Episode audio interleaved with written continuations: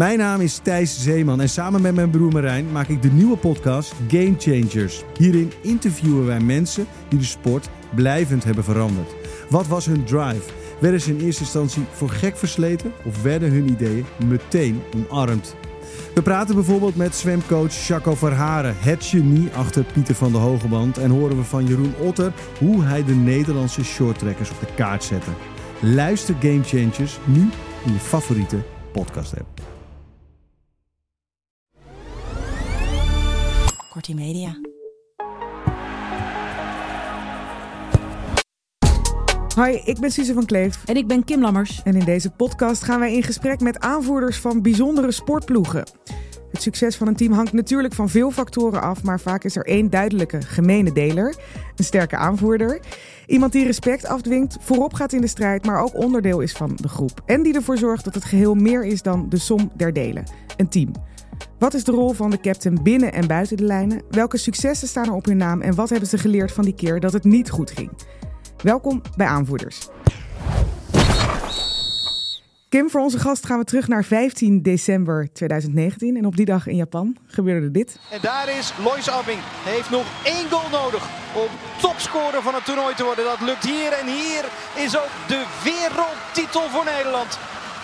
29 tegen 30. Niemand bij Oranje gelooft dit. En bij de Spanjaarden ook niet. Die zo'n goede inhoudrace hadden. Maar Nederland is de beste van de wereld. De gouden plak en het bronzen beeld. Dat gaat mee naar Oranje. Oranje wereldkampioen. Welke herinneringen heb je aan dit goud? Ja, ik weet nog, ik was in Spanje toen ik dit keek. Dus ik weet nog, uh, ik was op vakantie. Bij de en, tegenstander? Uh, ja, bij de tegenstander. Dus uh, dit, dit, dat was zo mooi, want het leefde daar ook wel. En ja, fantastisch. Dus ik vind het ook wel leuk. Dit is zo'n moment waarvan je weet waar je nog was. Ja, ik, ook, ja ik, ik zat in een Londense huiskamer met een Engelsman die zijn eerste handbalwedstrijd ooit keek. En aan het einde van de wedstrijd stond te schreeuwen voor het Nederlands handbalteam. Uh, dus uh, dat heeft ook daar indruk gemaakt. Mooi. Ja, precies. Um, de handbaldames wisten wat brons winnen was. Ze wisten hoe een zilveren medaille voelde. Maar goud, dat was nog nooit voorgekomen. Tot nu. En dat goud op het WK 2019 is natuurlijk wat iedereen zich herinnert. Maar er ging genoeg aan vooraf. Zoals een plotselinge controversiële trainerswissel een jaar eerder. Een openingsduel van het WK waarin eigenlijk alles misging wat er mis kon gaan. En de aanvoerder die in 2018, een jaar daarvoor, geopereerd werd aan een hernia. En op dat WK waar we het over gaan hebben, ja, wat zal het zijn, op 85% van haar kunnen zat. Kortom, hoop te bespreken. Kim, wat wil jij weten van de aanvoerder van dit team? Um, nou, kijk, dat is volgens mij een lichting die uh, gewoon heel lang samen heeft gespeeld, van jongs af aan. En, en steeds dichter toe is gegroeid naar het winnen van een grote prijs op een groot toernooi. En um, ook denk ik door een aantal finales te verliezen, halve finales en finales te verliezen, dat ze uiteindelijk op dat moment wel toe wisten te slaan. In een heel volwassen team. En ik ben heel benieuwd wat haar rol daarin is geweest. Hoe leer je te winnen ook? Ja. Nou, dat gaat uh, Danique snel door ons uh, vertellen. Afgelopen zomer maakte je bekend te stoppen met je interlandcarrière. Maar de indruk die je hebt achtergelaten is uh, onuitwisbaar. 207 interlands voor Oranje, 520 keer gescoord. Je bent de leider van een generatie handbalsters die historisch schreef. En ineens was Nederland een handballand. Ineens won Nederland medailles. Zilver op een WK 2015 en EK 2017. En het legendarische goud op het WK in Japan in 2019 onder jouw aanvoerderschap. Welkom, Danique. Ja, super bedankt. Hallo. Hallo. Um, we hoorden net natuurlijk dat fragment alweer eventjes. Is dat lekker om terug te horen? Ja, dat is, blijft gewoon kippenvel. Ja? En uh, ja, je, je, gaat gewoon weer helemaal terug naar dat moment. En je voelt het gewoon gelijk. En ik weet nog de spanning die ik had. Um, ik ben heel slecht in kijken naar zeven meters als we die zelf nemen. Dus ik heb ook niet gekeken. Dus ik zag niet wat er gebeurde. En ik zag alleen aan het gejuich om me heen dat het was gelukt. En... We hebben het nu over de strafworp in de allerlaatste seconde. Ik geloof ja. nog zes seconden op de, de, de klok in de ja. finale. Dan ja. kijk jij niet. Nee, ik, nee. ik dacht, ja, ik kijk nooit. Dus het is ook dan een stukje bijgeloof, maar ook gewoon de durf van, ja, ik wil niet kijken, ik wil niet weten wat er gebeurt. En wel ook daarna gewoon, oké, okay, iedereen juichen, maar er is nog vijf seconden. En in handbal kan in vijf seconden heel veel gebeuren. Dus ik was ook wel gelijk omdraaien, weer terug en uh, weer blijven staan. Want... Je ging het team weer even neerzetten. Ja, ja, want ik dacht, ja, iedereen is zo aan het jubelen. Maar dat scheelde ook nog heel weinig, toch? In die omschakeling kwam er toch nog een kans voor Spanje? Nou, niet echt meer, maar ja, ze kwamen wel nog een beetje, maar... Maar op dat moment had je wel vertrouwen in Abbing dat ze die uh, worp ging, uh, ging maken? Ja, dat wel. Ja, zeker. Ja, ik dacht ook als iemand we moet nemen, en ze heeft dat al de jaren daarvoor ook laten zien bij 22, 22 vrije worp of weet ik veel wat. Zo vaak op zo'n moment dat zij hem gewoon wel zetten. Dus ik was gewoon wel van overtuigd dat ze hem ging maken. Maar ik dacht, ja, ik doe dat wat ik altijd doe. En ik moet gewoon zorgen dat iedereen wel gefocust blijft. Dus. En praktisch gezien, doe je dan een handdoek over je hoofd? Of ga je omgekeerd staan? Ik draai of, me gewoon echt oh, om. dus ik uh, zie het gewoon echt niet. Dus, Jammer dat daar geen camera op stond. ik heb hem wel zelf ergens gezien van iemand die dat thuis heeft gefilmd of zo. ja, het ziet er een beetje raar uit, maar ja. Het is wat je altijd doet. Ja, het, het, het, heeft gewerkt. Um, laten we beginnen bij uh, het begin van jouw aanvoerderschap. 2012 hebben we het dan over. 22 jaar oud was je. Ja. En je werd aanvoerder. Is, was dat logisch? Um, nou ja, ik was natuurlijk wel verbaasd. Uh, Diana Lamijn stopte op dat moment. Zij was uh, heel lang ook aanvoerster geweest. En um, ja, ik was nog jong en ik kwam eigenlijk pas net bij bij de, de echte A-ploeg. Dus ik was wel uh, verbaasd. Um, Henk Groen had op dat moment gevraagd en had gezegd... ja, je hebt het al bij de junioren gedaan en ja, ik denk dat je daar wel het type voor bent. En uh, je hebt hetzelfde doel, laat maar zeggen, wat we op het moment met heel die groep hebben. Um, dus we willen voor de medailles gaan. En jij hebt dat doel, je draagt dat uit. En we willen heel graag dat jij dat doet. Dus ja, ik was wel uh, een beetje flabbergasted van oké, okay, ja. En kon je dat, kan je eens concreet maken? Jij bent dat type. Wat bedoel, wat bedoel je daar denk je mee? Um, ik denk sowieso omdat ik gewoon altijd 100% uh, gaf. En ook omdat ik wel goed kon voelen, aanvoelen wat er gebeurt in het team. Um, en ja, dat gelukte, laat maar zeggen, best wel goed bij de junioren. En als er dan uh, ergens wel een keer uh, oneenigheid over was of uh, ja, we het niet met elkaar eens waren, dan was ik wel degene die dat ook durfde te bespreken. Ja. Dus dat vond hij wel heel erg belangrijk. En um, dus ik zei, ja, natuurlijk, onwijs vereerd. Ja, wil ik wel doen. Maar ik dacht wel ook gelijk, oh god, ja, komt toch wel wat bij kijken. Ja, want als je dat met je leeftijdsgenoten kan, hè, bij de junioren, dat is toch iets heel anders als je in een groep terechtkomt waar je nou ja, junior bent nog. Ja, maar het was wel een beetje een wisseling van de wacht. Er waren wel oudere meiden, een aantal die stopten. Dus er waren ook wel veel meiden van mijn leeftijd die op dat moment een dragende factor werden binnen het team. Dus het was niet helemaal dat ik als jonkie dat overnam. Het was wel een beetje, beetje geleidelijk. Maar uh, ja, in het begin vond ik het heel spannend, maar dat ging eigenlijk best wel snel weg. En ook omdat ik gewoon veel vertrouwen kreeg van Henk. Dus ja, dat was eigenlijk wel heel, uh, heel fijn. Was iedereen het ermee eens? Of uh, was er ook wel een beetje tegenspraak, tegenkrachten? Ja, ik denk het niet. maar dat is ook een beetje raar om over jezelf te zeggen. Maar ja, het was meer... Uh, Henk had dat gewoon voor de groep gezegd. Van joh, Diana is gestopt en ik denk dat dan ik dat heel goed kan. Dus ja, iedereen accepteerde dat of zo. Mooi. Ja. Henk was natuurlijk ook belangrijk in die fase, denk ik. Misschien wel de grondlegger, Henk Groene, de, de bondscoach, de huidige ja. bondscoach op dat moment. Toen, toen hij jou die band gaf, wat, wat was toen de missie? En, en was dat geloofde meteen al om zo goed te kunnen worden zoals jullie uiteindelijk werden? Nou, ik denk dat hij heel erg belangrijk voor ons geweest is om, uh, onze droom echt uit te spreken. Van ja, oké, wat, wat willen jullie nou eigenlijk? Ja, dan kun je natuurlijk heel hard zeggen, ja, we willen allemaal goud halen. Ja, dat wil iedereen op de wereld. Maar wat denk je dan ook echt nodig te hebben? En durf je dan uit je comfortzone te gaan? Durf je stappen te maken? Durf je naar het buitenland te gaan? Durf je alles ervoor opzij te zetten? Denk uit out of the box. Weet je wel, wat kan er? Wat, en dat heeft hij, laat maar zeggen, ons wel echt getriggerd om dat te doen. En dat vond ik in het begin heel spannend. Maar omdat je daar op een gegeven moment zoveel over praat. Van ja, waarom, niet? spannend? Nou ja, je gaat toch over dingen nadenken die dus out of the box waren. Van ja, oké, ik wil wel naar buitenland. Maar ja, je geeft er wel een hoop dingen ook voor op. En uh, je moet altijd meer gaan, altijd maar gaan. En ik vond het wel spannend om de rest daar ook in mee te nemen. Want ik wist wel dat ik dat heel graag wilde en dat ik er alles voor op wilde geven. Maar ik was toen op dat moment ook nog wel heel erg van ja, dan moet de rest dat ook wel doen. Terwijl, ja, dat kan je niet van iedereen verwachten. En iedereen is toch, dat heb ik dan de jaren daarna wel geleerd, van ja, op zijn eigen manier een topsporter. De een uh, doet dat door echt uh, ja, 200% per dag alleen maar aan handbal te denken. En de ander zegt juist, ja, nou als ik een vrije dag heb, dan heb ik een vrije dag en dan ga ik helemaal niet aan handbal denken. En had jij een vice-captain naast jou? Werd jij als enige aangewezen als leider van die groep? Nee, ik was wel als enige aangewezen, geloof ik. Ja. Je zegt, ik heb dat in die jaren daarna geleerd. In eerste instantie vond je eigenlijk dat iedereen een beetje jouw instelling ja. moest hebben? Ja, wel van ja, je, je gaat ervoor of je gaat er niet voor. Je gaat ook helemaal boos bij kijken. Ja, ik, zo, denk ook, ja, ik, heb, ik moet ook ergens voor gaan, denk ik ja. nu.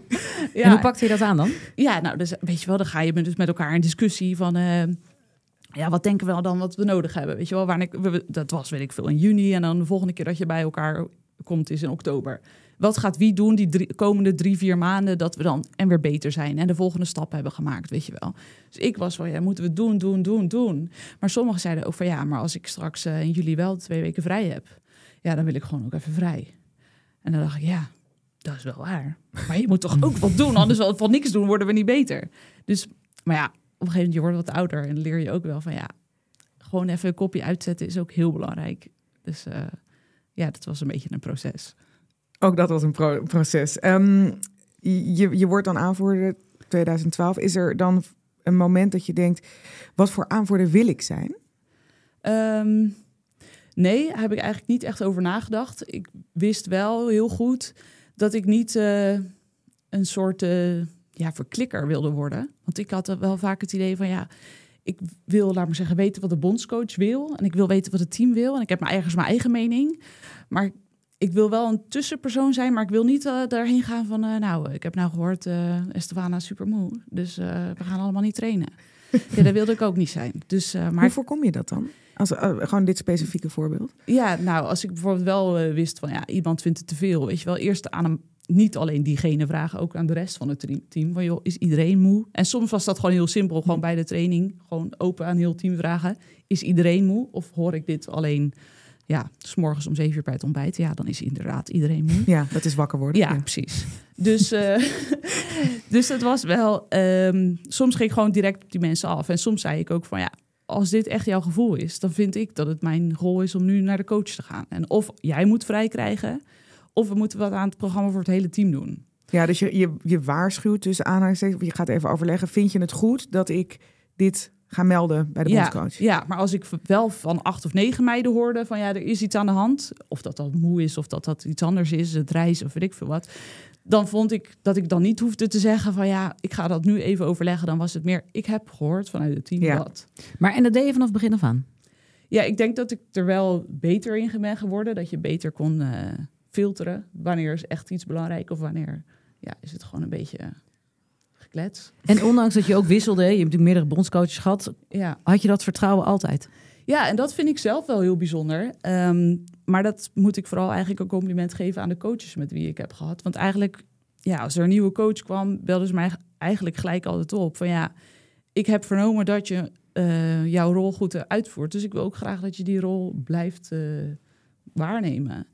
Dus uh, is het goed als we dan, weet ik veel, iedere week gaan bellen of zo. Dus je kreeg wel gelijk ook een uh, persoonlijke band met de nieuwe coach. Ja.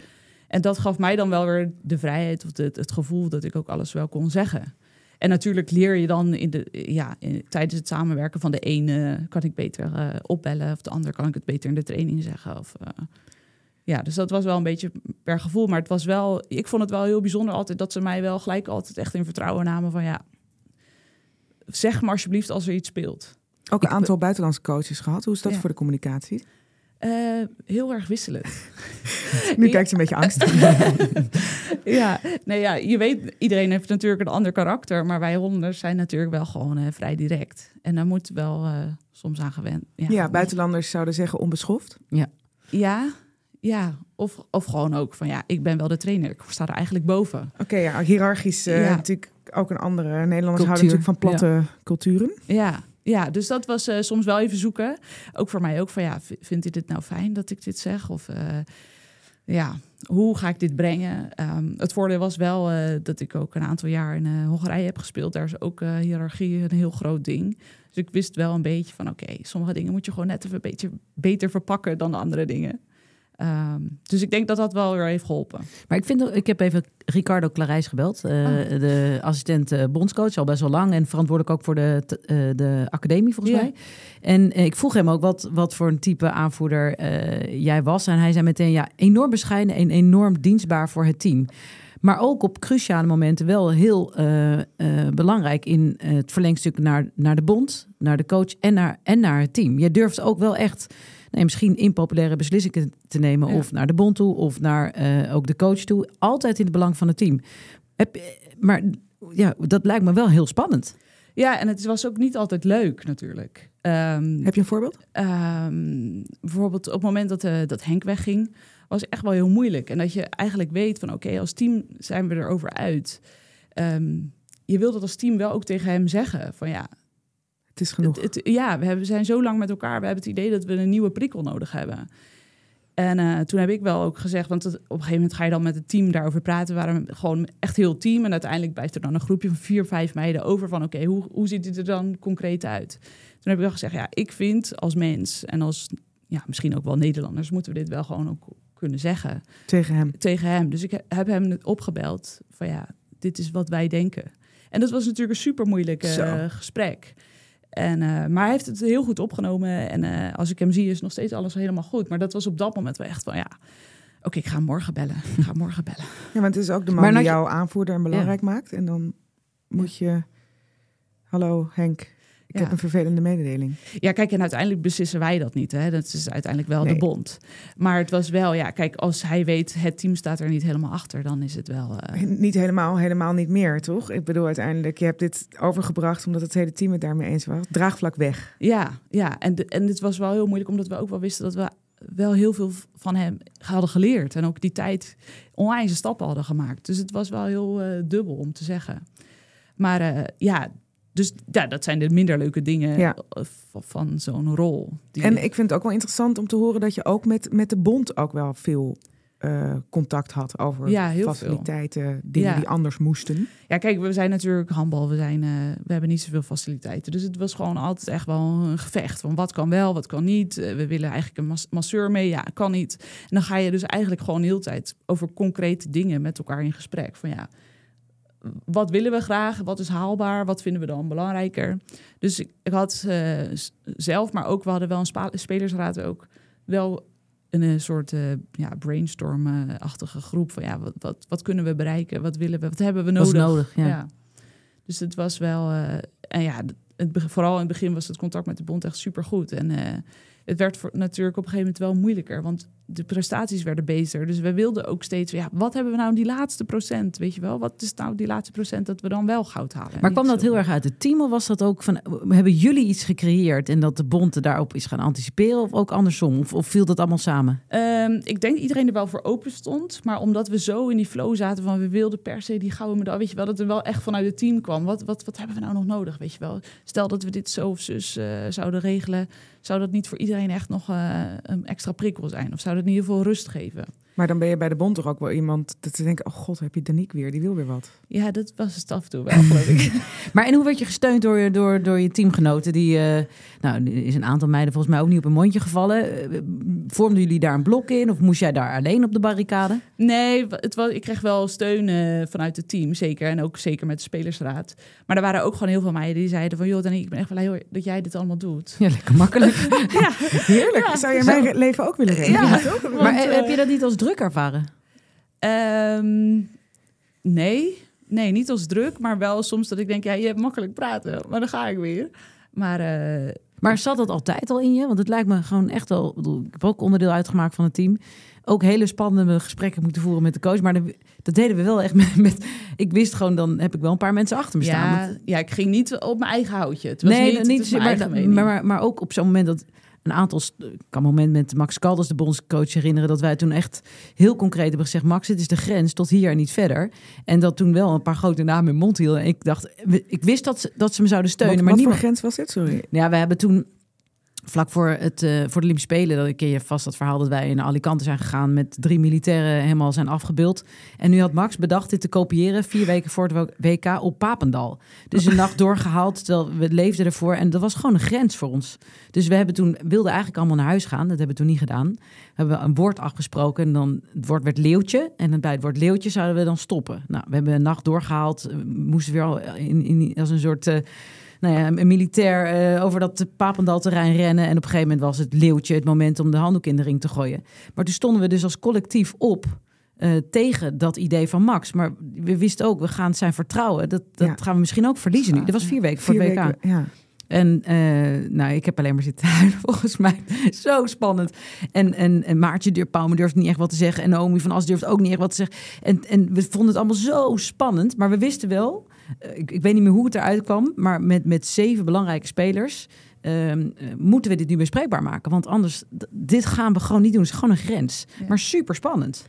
En uiteindelijk draaide dat om, ontstond er een supermooie band van vertrouwen. En draaide het de goede kant op. Maar wel ook omdat we dat met, ik wist, we doen dit met, met, met z'n zevenen, zeg maar. En, zelfs toen was- durfde je al bijna niet. Nee, ik zat, ik heb alleen maar zitten janken in dat gesprek. Ja, ik, ik, ik dacht, wat betekent dit voor mij? Misschien val ik nog wel af. Dit is mijn laatste toernooi. Dat speelt allemaal door je. Het speelde door mijn hoofd. Ik was niet de captain, hè, bedoel, eh, van dit team.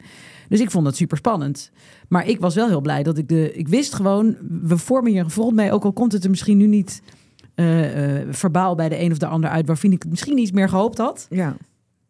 Dat, zijn wel, dat is wel fijn als je zo'n captain hebt die dat doet. Ja, maar ik wist ook wel, zeker als er grote beslissingen waren, dat ik inderdaad diegene achter me had staan. Misschien ook niet dat ze allemaal wat hardop zouden zeggen.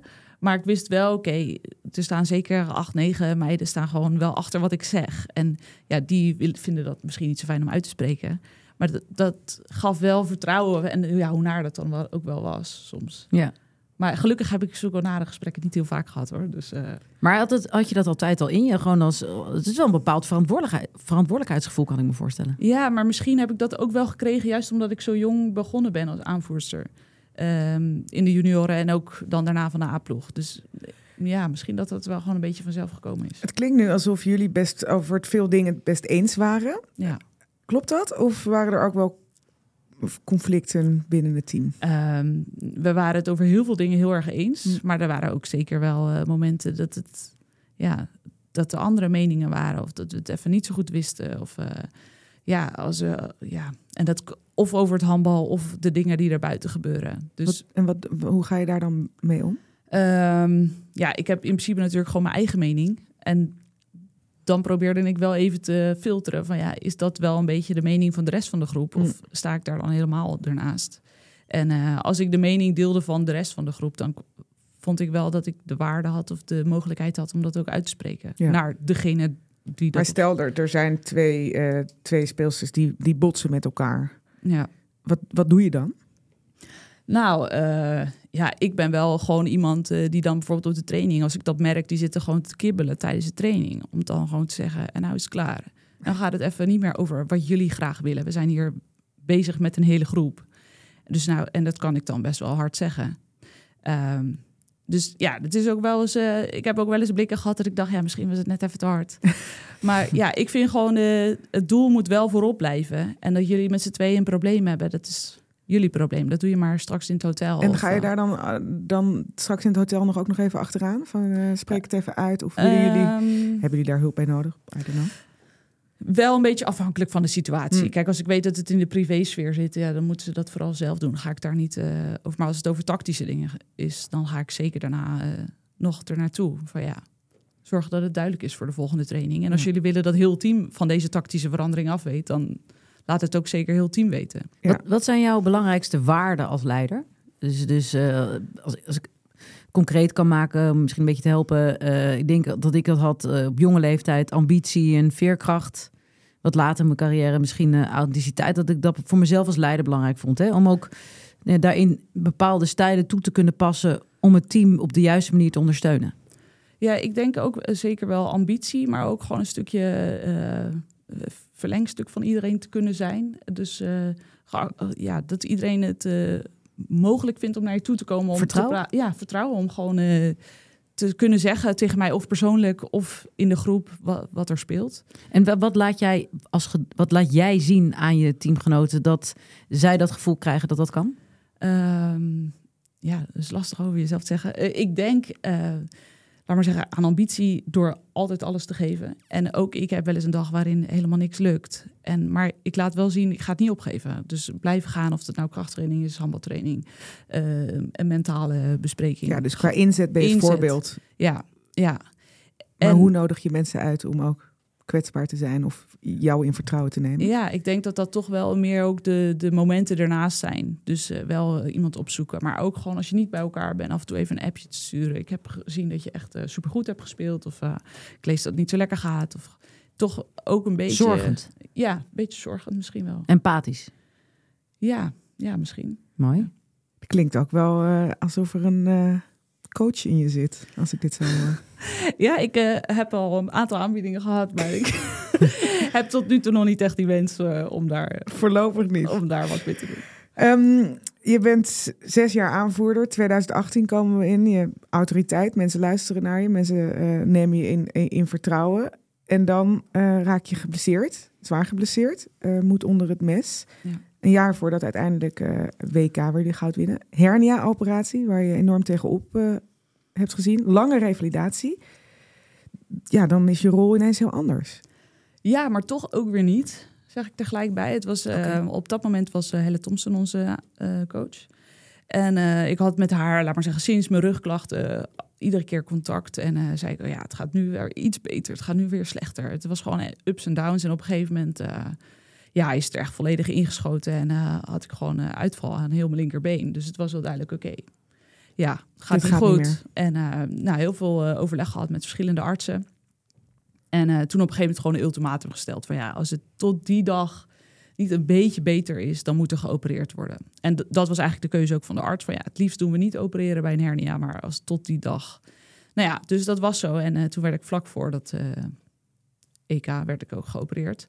Maar Helle bleef wel heel tijd contact houden, ook tijdens het toernooi. Van, heb je het gezien? Wat zijn je tactische gedachten? Hoe vond je dat de uitstraling was? Weet je wel. Waar... Mm. Dus het, ik bleef wel echt onwijs betrokken bij uh, het teamproces, ondanks dat ik niet daar in Frankrijk was. En had je ook veel contact met spelers? Zochten die ook contact met jou? Ja, ja maar wel dan meer je maatjes. Dus niet iedereen, maar meer uh, waar je gewoon privé ook zelf uh, veel, veel maar ja, ook over mijn rug. En dan minder over het handbal. Meer van, ja, gaat lekker en zit de sfeer er goed in? Of hebben jullie je verlies goed kunnen verwerken? Maar weer toch weer dat zorgzame. Ja, weet je wel. Ja, weet je wel ja. Maar dat was wel voor mij, laat maar zeggen, toen het weer beter ging met mijn rug, had ik niet het idee, ik moet eerst weer mijn positie vinden of zo. Ik kwam wel weer terug en had wel gewoon gelijk het idee, ja, ook al ben ik nog zeker niet de oude, ik kan wel gewoon mezelf zijn en ik hoef niet ineens nu een andere rol aan te nemen. Maar dat kwam dus wel heel erg door Helle ook. Mooi. Ja. Frustreerde, ik kan me voorstellen dat het frustreert, maar voel je je ook waardevol nog steeds? Uh, in het begin helemaal niet. Hmm. Um, vooral handballend niet. Ik dacht heel tijd, ja, ik ben zo traag als dikke stroom. kan echt, ja, ik had gewoon het rennen weer verleerd. Dus ik, ik kon dat ene been gewoon niet goed gebruiken. Dus ik was voor mijn gevoel echt onwijs langzaam. Dus ik dacht heel de tijd, weet je wel, er was een wedstrijd geweest. En had ik misschien, uh, ja, ik zag alleen maar dat ik heel langzaam was. En daar keek ik dan ook heel de tijd naar. En dan vroeg ik eigenlijk ook om bevestiging van, mm. vond je niet ook dat ik zo langzaam was?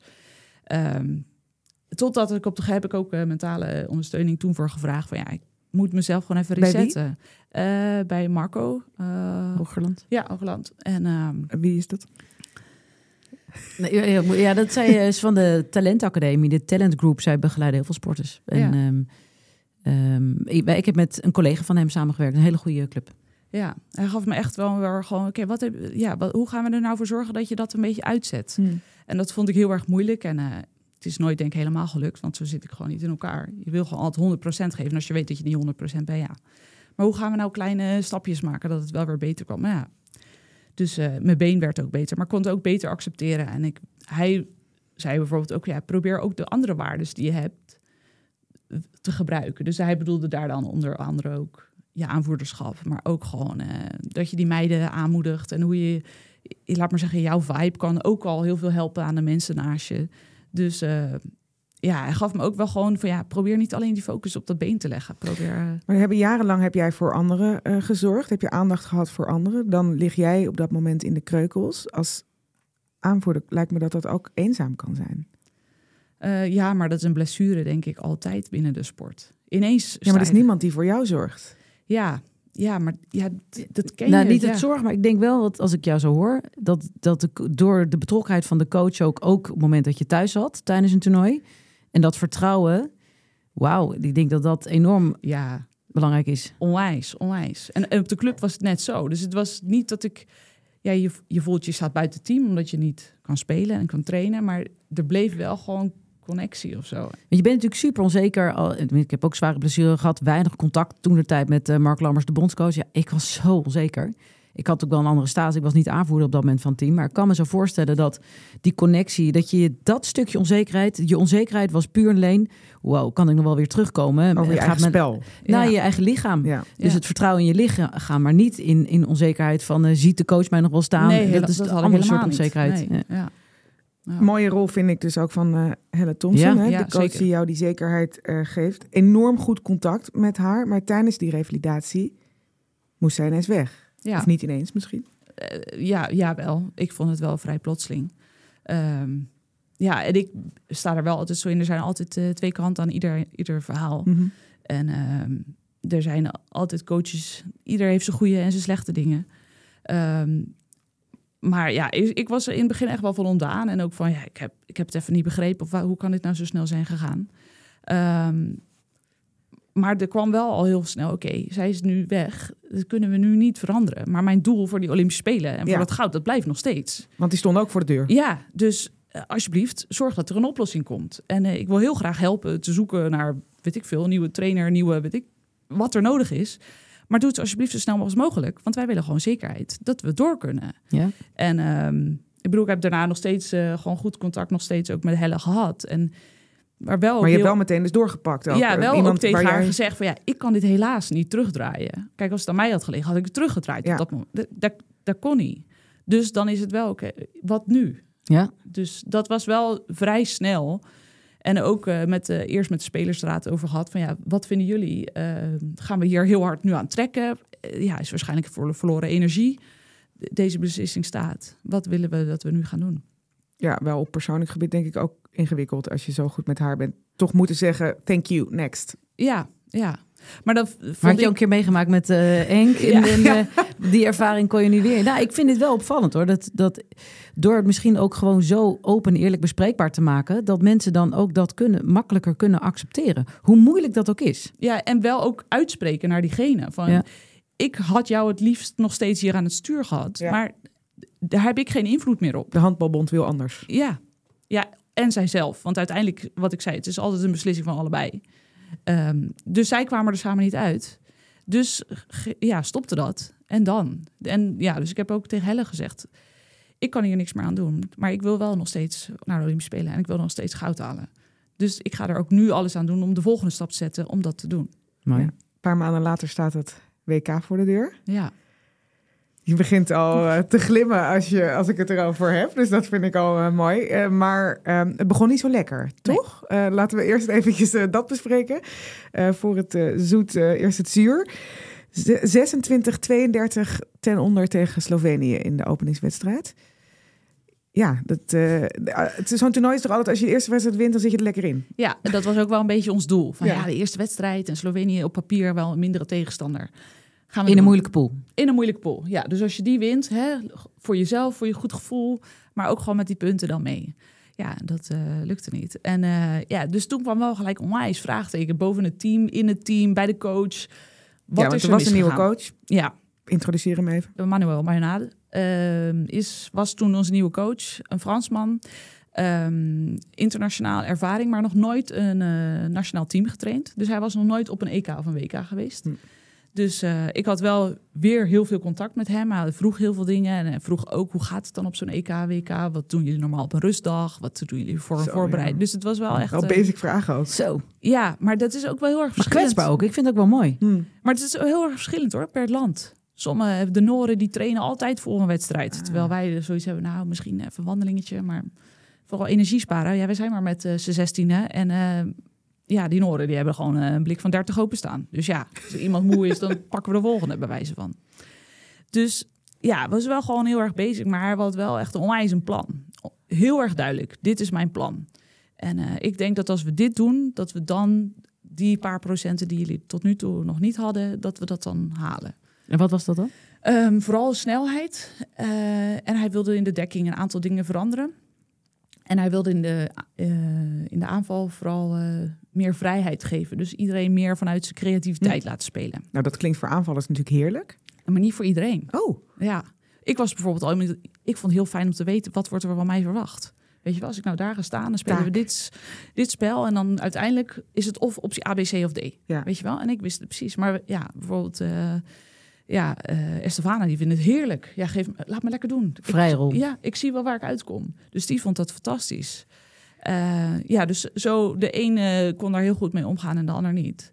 Maar we hadden vooral uh, tegen de wedstrijd van Slovenië hadden we een hele goede schutter, uh, linkshandige schutter. En dat heb je niet bij heel veel landen. Bij de tegenstander. Bij de tegenstander, bij Slovenië. Dus hij had daar wat op verzonnen dat we dat wel gingen doen. Een tactische. Een tactische zet. En uh, ja, daar voelde je al tijdens de training dat het wel uh, gewaagd was. Want daardoor gingen eigenlijk juist onze sterke punten in het midden in de dekking... Mm. gingen we wat meer openmaken.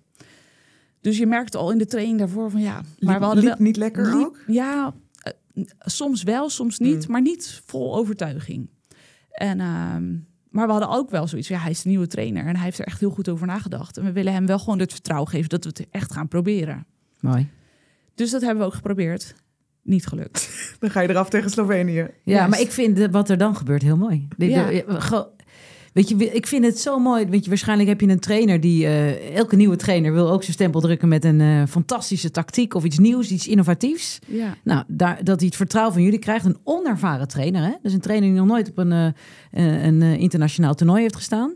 En dan besluiten jullie als team: we gaan het anders doen. Hoe ging dat? Ja, nou ja, na de wedstrijd was het natuurlijk. Iedereen was in zak en as. Want ja, dit had echt niet mogen gebeuren. Mag, dus... Wil je de, de, kleedkamer even schetsen? Is het uh, schreeuwen, huilen, stilte? Nou, op zo'n toernooi is het eigenlijk zo. Het is na de kleedkamer, het is heel snel. Iedereen wil gewoon eigenlijk zo snel als mogelijk naar het hotel. Douchen en niet gewoon... Dus het was uh, ja, stil en iedereen pakt zijn spullen trainingspak aan en gaan. Dus iedereen zit stil en boos in de bus, zo snel mogelijk terug naar het hotel.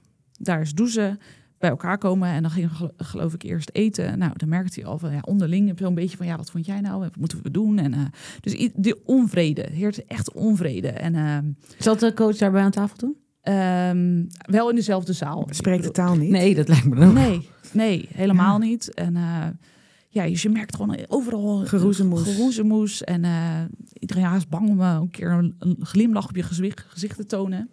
Nou, toen hadden we daarna bespreking en daarin liet hij dan zien wat hij vond dat er verkeerd was gegaan. En ja, konden we wel zelf ook een beetje wat zeggen, maar het was heel, uh, ja, nog steeds met die onvrede. Dus niemand zei eigenlijk echt iets. En uh, Marco was daarbij en die zei, de, de, staf ging op een gegeven moment weg nadat hij klaar was. En Marco zei, ja, misschien is het wel een goed idee als jullie als meiden gewoon even met elkaar ook blijven zitten en met elkaar erover hebben wat er nu moet gaan gebeuren. Dus uh, zo bleven we met alleen de meiden zitten. Nou, het kwam eigenlijk alles er, naar, eruit. Van ja, dat wat we met Helle zo goed hebben opgebouwd, dat moeten we in ieder geval houden. En daarnaast kunnen we wel tactische aanpassingen gaan doen. Maar we kunnen niet alles in één keer veranderen. Dit want, is te rigoureus. Juist. Dus uh, ja, dat was echt wel heftig. En, uh, wel, maar wel een hoop meiden die ook wat zeiden op dat moment. En dat was echt wel heel erg fijn. Iedereen zei wel wat. En wie, wie, wie, wie, wie bijvoorbeeld? Um, uh, Lois, Estewana, maar ook uh, Laura van der Heijden, um, Tess. Iedereen van over het gevoel, maar ook echt specifieke tactische dingen. Um, maar je kijkt er ook heel te, trots bij ja, dat dit echt, gebeurde. Ja, kijk nu achteraf denk je gewoon, ja, het was super mooi. Maar super spannend. Super spannend. Ja. Maar ja, en toen moesten, ja, dan gaan we, gaan we Manu erbij halen. Ja. ja, dus dan kon ik als aanvoerder kon ik hem ophalen. Hebben je wat te vertellen. zat Marco uh, Hoogland er ook bij dan? Um, volgens mij toen we hem erbij gingen halen wel weer. Maar volgens mij, dat weet ik niet helemaal meer zeker. En, uh, maar dit gesprek was eerst dus, dus met jullie alleen? Ja. Waarin er dus meer mensen dan eerder zich uitspraken. Ja. Waardoor jij dacht, oké, dan, dan moet ik daar ook wat mee. Ja, en zeker vanuit heel het team. Ja. joh, we hebben eigenlijk niks meer te verliezen. Want we zitten in zo'n moeilijke pool. Dus de kans dat... Ja, je mes staat op je keel. Het is nu of nooit. nu of nooit. En we zijn er met z'n allen over eens dat het te veel verandering was. Ja. En dat we dat dus niet aan kunnen. Maar nu ken je please come to the room. Ja. En ja, dus uh, ga dat maar op, op Engels aan zo iemand die je eigenlijk pas net kent. Dus het begon ook weer zo heel voorzichtig van ja, we zijn wel heel erg blij, maar weet je wel.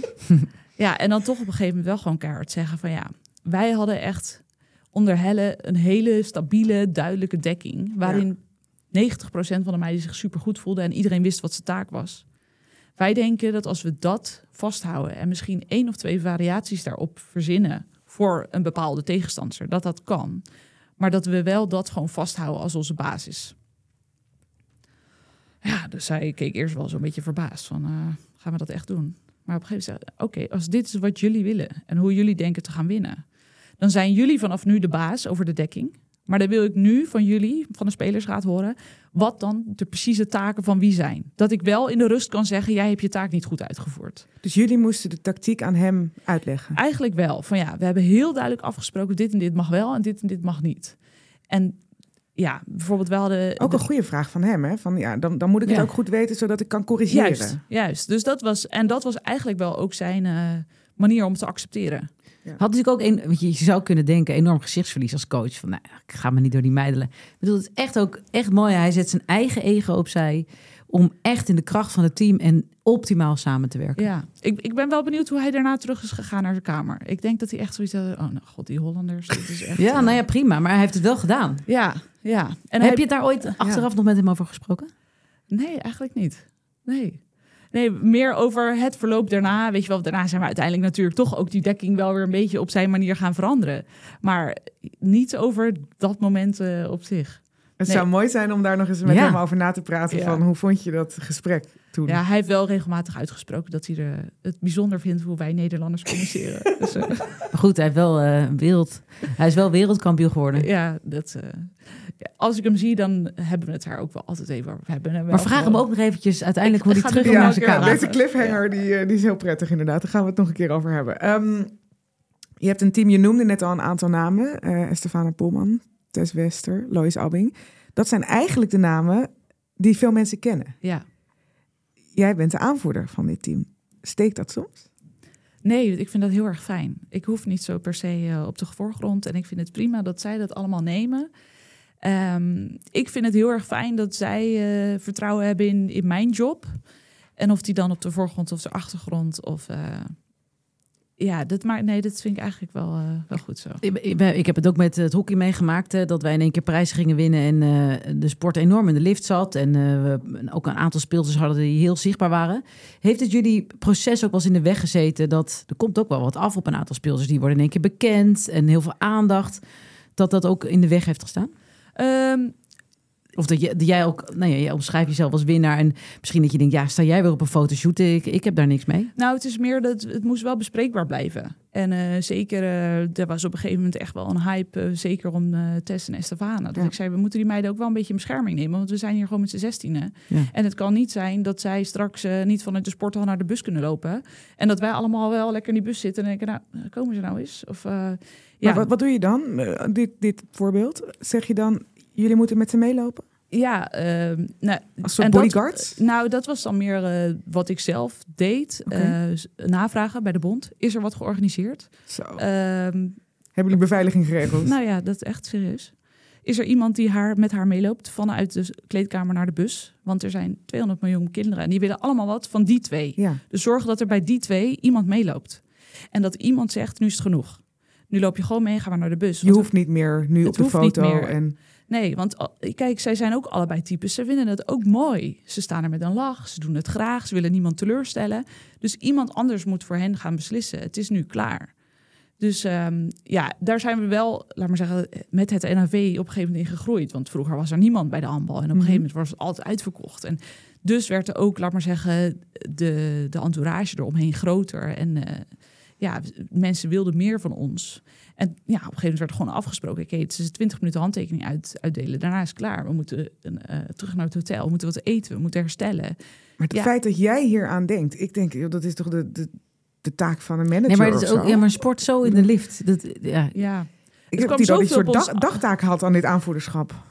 Nou, het was wel, het was meer met elkaar. Ik bedoel, ik kan ook supergoed uh, met onze manager, wie dat dan ook op dat moment was. En ik had altijd wel gewoon, ja, wat zijn er nog dingen die we even in de gaten moeten houden? Want ik wil gewoon dat iedereen met een fijn gevoel overal heen gaat. Dus ja, en zeker, nou ja, het was op een gegeven moment echt van, ja, iemand moet haar nu gewoon meenemen. Want het, uh... Anders kunnen, komen we nooit meer thuis ook. Ja, ja. Um, terug naar het, uh, het, toernooi. De wedstrijd tegen Zuid-Korea. Uh, die was, winnen was een vereiste hè, om bij ja. de laatste vier te komen. Exact een jaar na jouw hernia-operatie. Was dat nog een moment? Ja, voor mij zeker. Uh, maar ik had tegen niemand gezegd. Dus uh, ik wist al, ik stond die dag op van ergens is het een speciale dag. Want wie had een jaar geleden gedacht, A, dat ik überhaupt weer kom handballen, B, dat ik hier op het WK zou staan, dat het zo'n belangrijke wedstrijd is, um, dat we tegen de Koreanen, weet je wel. Dus in mijn hoofd ging er heel veel om. Ja. Maar ik dacht, als ik het met iemand ga delen, dan word ik emotioneel. En dat wil ik niet op een wedstrijddag. Dan moet ik gewoon gefocust zijn. En ieder heeft zijn eigen zorg al van. Uh, kijk, Korea is een heel ander soort land, heel ander soort handbal. Dus iedereen heeft gewoon alle focus nodig voor wat zijn job is op dat moment. Dat vind ik wel weer alleen klinken. Ja, maar ook voor het team. Want ik dacht, als ik van iemand anders nou zijn energie vraag... Ja, heeft hij straks uh, gedachten van... oh, die arme Danique staat er alleen... en die uh, ja, heeft juist vandaag een beetje extra hulp nodig. Ja, dat hebben we helemaal niet, kunnen we niet gebruiken. Nee, maar dat is je eigen belang, dus wegcijferen. Ja, voor het team. Ja, ja maar, ja, en, maar mijn doel is wel ook nog steeds hetzelfde doel als het team. Dus ja, ik zag dat op het moment helemaal niet zo. Maar ja, de wedstrijd ging supergoed en we speelden echt echt fantastisch. Dus het, eigenlijk was het gewoon met een glimlach heel de tijd. En pas daarna, ik, ik weet nog heel goed, ik, uh, de wedstrijd was afgelopen. Ik ging op de bankje zitten en Jessie Kramer zat naast mij. En ik begin gewoon keihard huilen. Ik zeg, ja, is toch een bijzondere dag. Ja. Dus ja, en de, dat zal het altijd blijven. Terwijl die wedstrijd was een van vele eigenlijk. Maar voor mij zal die altijd belangrijk zijn. Ja,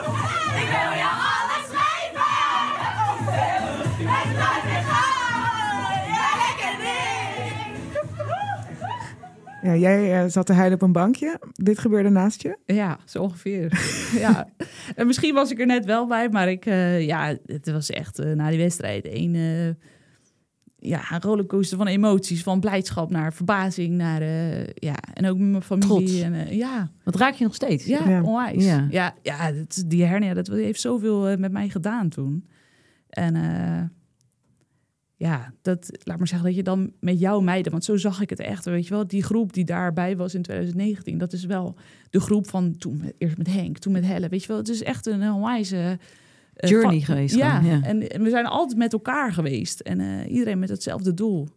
En uh, ja, dus het maakt het gewoon heel erg bijzonder. Ja. Wanneer was het moment tijdens dit toernooi dat je dacht, we hebben het op de rit? Um, ik denk twee, twee momenten in de rust tegen Noorwegen en uh, eigenlijk voor Rusland. Uh, omdat uh, Lois speelde op dat moment, ja. Lois Abbing speelde op dat moment in Rusland. En die zei gewoon, ja, ik heb echt een plan. En ik ga dat straks met Manu bespreken. En dan gaan we dat gewoon echt...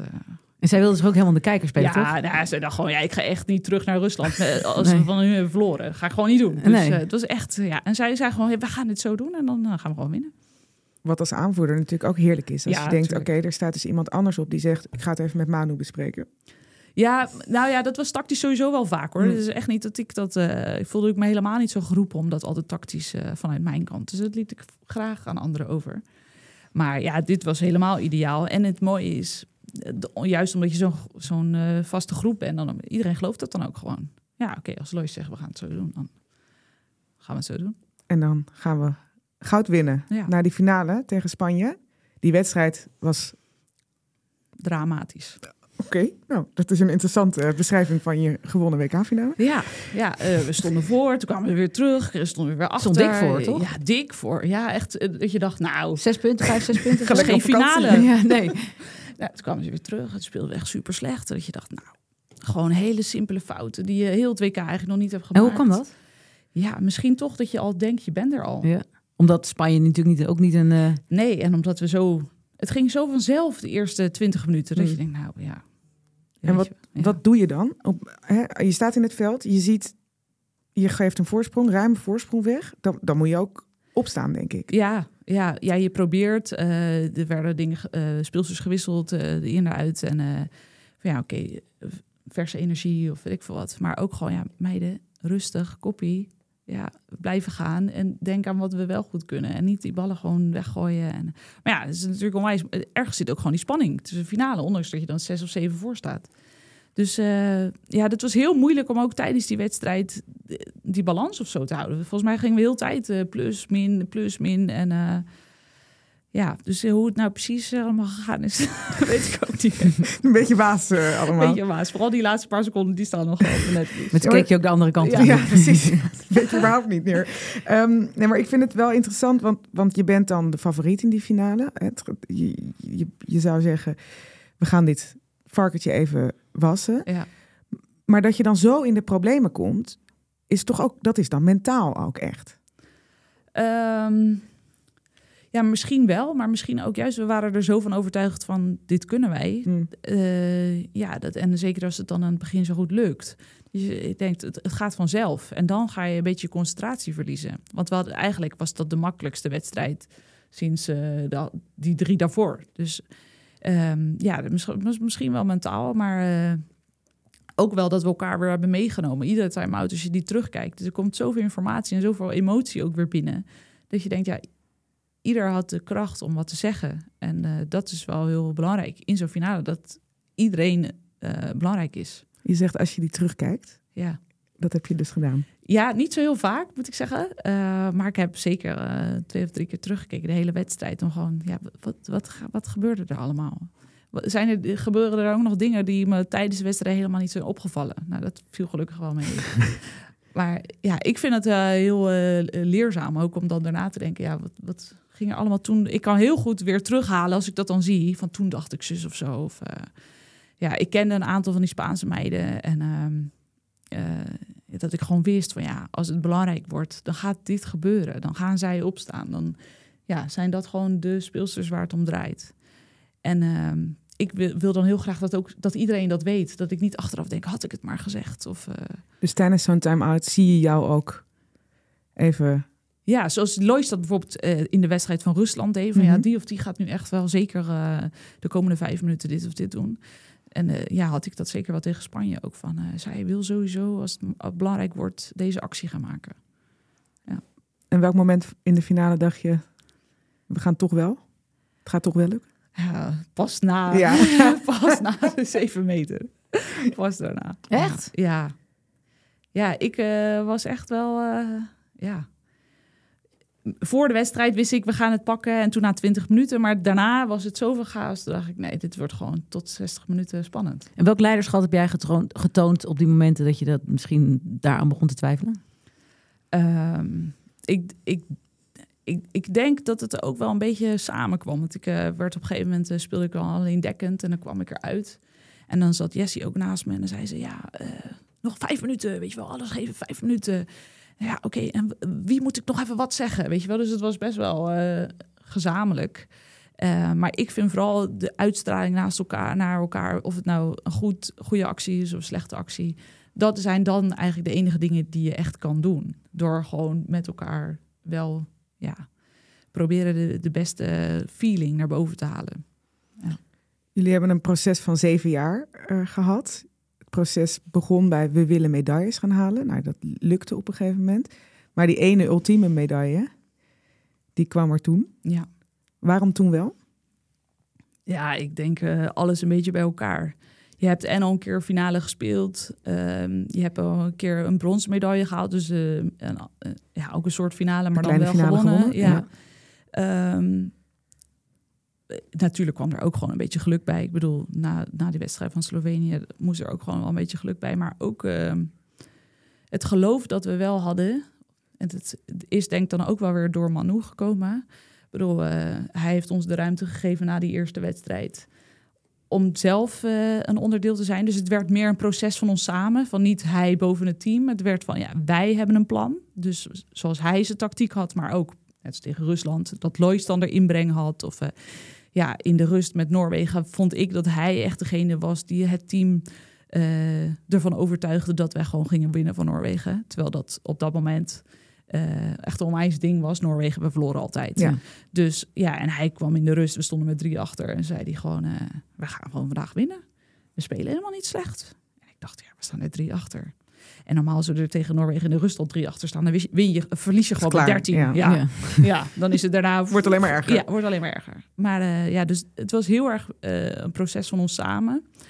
Um, dus ik denk dat dat, en misschien ook wel met de van we willen het nu laten zien en uh, we hebben er nu zo hard voor gevochten en we hebben uh, woorden gehad met het NAV over, over de trainerswissel van hier en van daar en we, we hebben hard gevecht dat we een extra masseur meekregen of weet ik veel. Ja, zo'n beetje van ja, we gaan nu ook gewoon laten zien dat, dat we vechten omdat we goud willen.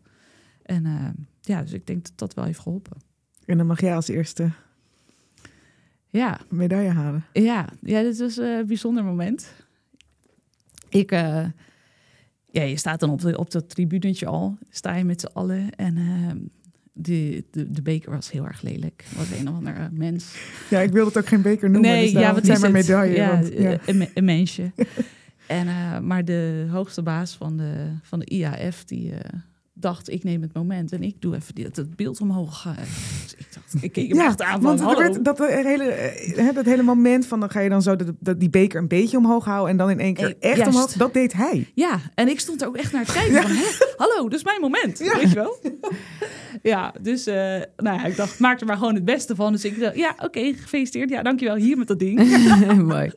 ja, ik dacht, doe het ook gewoon, hè. We gaan dit gewoon nog een keer Ja, hallo, hier heb ik een jaar daarvoor gewerkt. Dus uh, ja, maar ook dat ga ik dus nooit meer vergeten, dat het zo ging zoals het ging. En... Uh, ja, en uh, daarna het was het, het besef, weet je wel, eerst van oké, je bent wereldkampioen en toen het besef, je hebt een Olympisch ticket. Uh, ja, het was echt veel. Het was echt uh, veel op één moment. Dus heel bijzonder.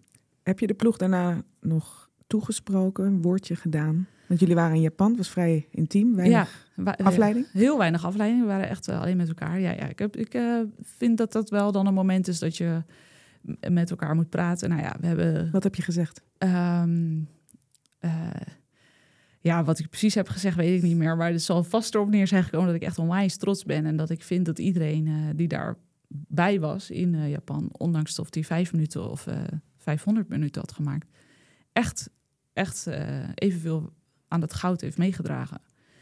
Um, en dat vind ik nog steeds. Want het was heel bijzonder. Iedereen wist heel duidelijk zijn rol op dat toernooi. En accepteerde die ook. Ja, ja. En dat uh, ja, was misschien juist omdat er ook net een paar wisselingen waren geweest. En een nieuwe trainer, dat ja, hij maakte het gewoon heel duidelijk. En dat vond ik echt heel mooi. Ook omdat iedereen, of je dus vijf of 500 minuten had gespeeld, net zo blij leek met die gouden medaille. Ja. Dus dat was, uh, ja, dat heb ik vast. Ik weet niet meer hoe, maar dat heb ik vast en zeker gezegd. Mooi. Zonder wrijving geen glans natuurlijk. Er zijn altijd moeilijke momenten, ook uh, in die zeven jaar van dit proces. We vragen aan iedere aanvoerder wat mag een gouden medaille kosten? Oef.